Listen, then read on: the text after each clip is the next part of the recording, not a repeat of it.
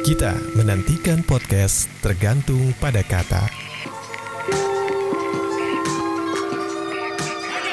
Satu kata. Lain kali jangan ucapkan itu dan ditujukan untuk orang Minang ya, ujarnya sambil memeluk. Tetapi rasa sakit di tempeleng tidak kunjung hilang. Perjuangan adalah pelaksanaan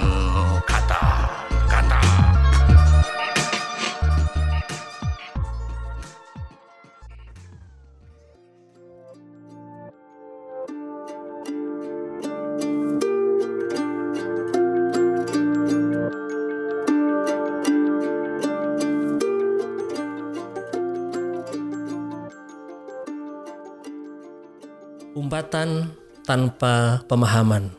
Sewaktu kuliah di Fakultas Sastra UI, akhir tahun 70-an sampai awal 1980-an, aku bergaul dengan banyak teman dari berbagai daerah.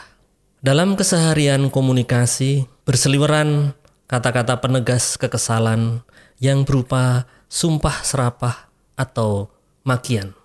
Bahkan ketika sedang tidak kesal atau tidak marah, kata-kata berupa umpatan deras terdengar di sela percakapan. Dalam konteks ini, dapat ditengarai orang yang tengah mendapat kejutan atau kebahagiaan pun ringan meluncurkan kata-kata seperti jancuk, asu, PKI, bajingo, atau kanciang. Ekspresi umpatan tentu saja berbeda-beda wujudnya tergantung dari asal daerah. Sebagai orang Jawa, kata kanciang sama sekali tidak membawa nuansa makna apa-apa bagiku. Padahal kata ini sering diucapkan oleh teman dari Minang jika dia bertemu atau bercanda. Dengan kata lain, aku mendapat perbendaharaan kata umpatan yang tidak aku pahami maknanya secara ideologis.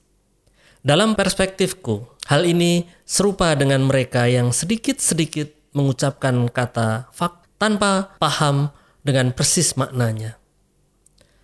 Eksklamasi seperti ini sungguh-sungguh ada dalam benakku, khususnya dengan kanciang tadi. Celakanya, aku mengalami kesialan dengan umpatan ini. Kisahnya terjadi pada tahun 1985 di saat aku ikut suatu penataran di daerah Tugu, Cisarua. Oleh lamanya waktu yang mengikat peserta lebih dari sebulan, kami, para dosen, dan beberapa pejabat dari sejumlah provinsi bergaul cukup akrab. Suatu sore, ketika aku tengah menyelesaikan satu makalah, seorang peserta dari Sumatera Barat yang sudah cukup berumur menggangguku saat aku mengetik. Aku bergeming sebab makalah harus diserahkan. Aku cukup merasa dongkol juga atas tindakannya itu karena rutinitas minum kopi di sore hari menjadi tambah tertunda. Begitu selesai dengan makalahku, aku segera pergi ke ruang santai.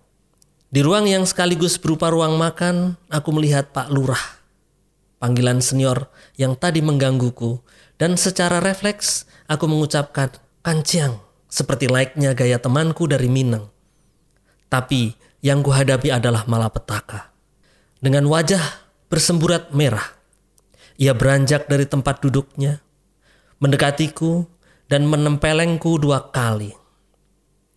Karena kaget dan tidak menyangka akan terjadi hal seperti itu, aku hanya bingung dan kesal. Kemudian aku katakan kepadanya bahwa aku yang seharusnya marah. Namun ia lalu mengatakan, dia menempelengku karena aku memaki dia dengan kata kanciang yang tidak pantas diucapkan kepada orang yang lebih tua. Aku berkilah. Kata itu biasa diucapkan temanku yang dari Minang tanpa rasa marah berlebihan. Agaknya dia menyadari perbedaan budaya yang kujelaskan dan meminta maaf. Lain kali jangan ucapkan itu dan ditujukan untuk orang Minang ya, ujarnya sambil memelukku. Aku mau tak mau balas memeluknya. Tetapi rasa sakit di tempeleng tidak kunjung hilang.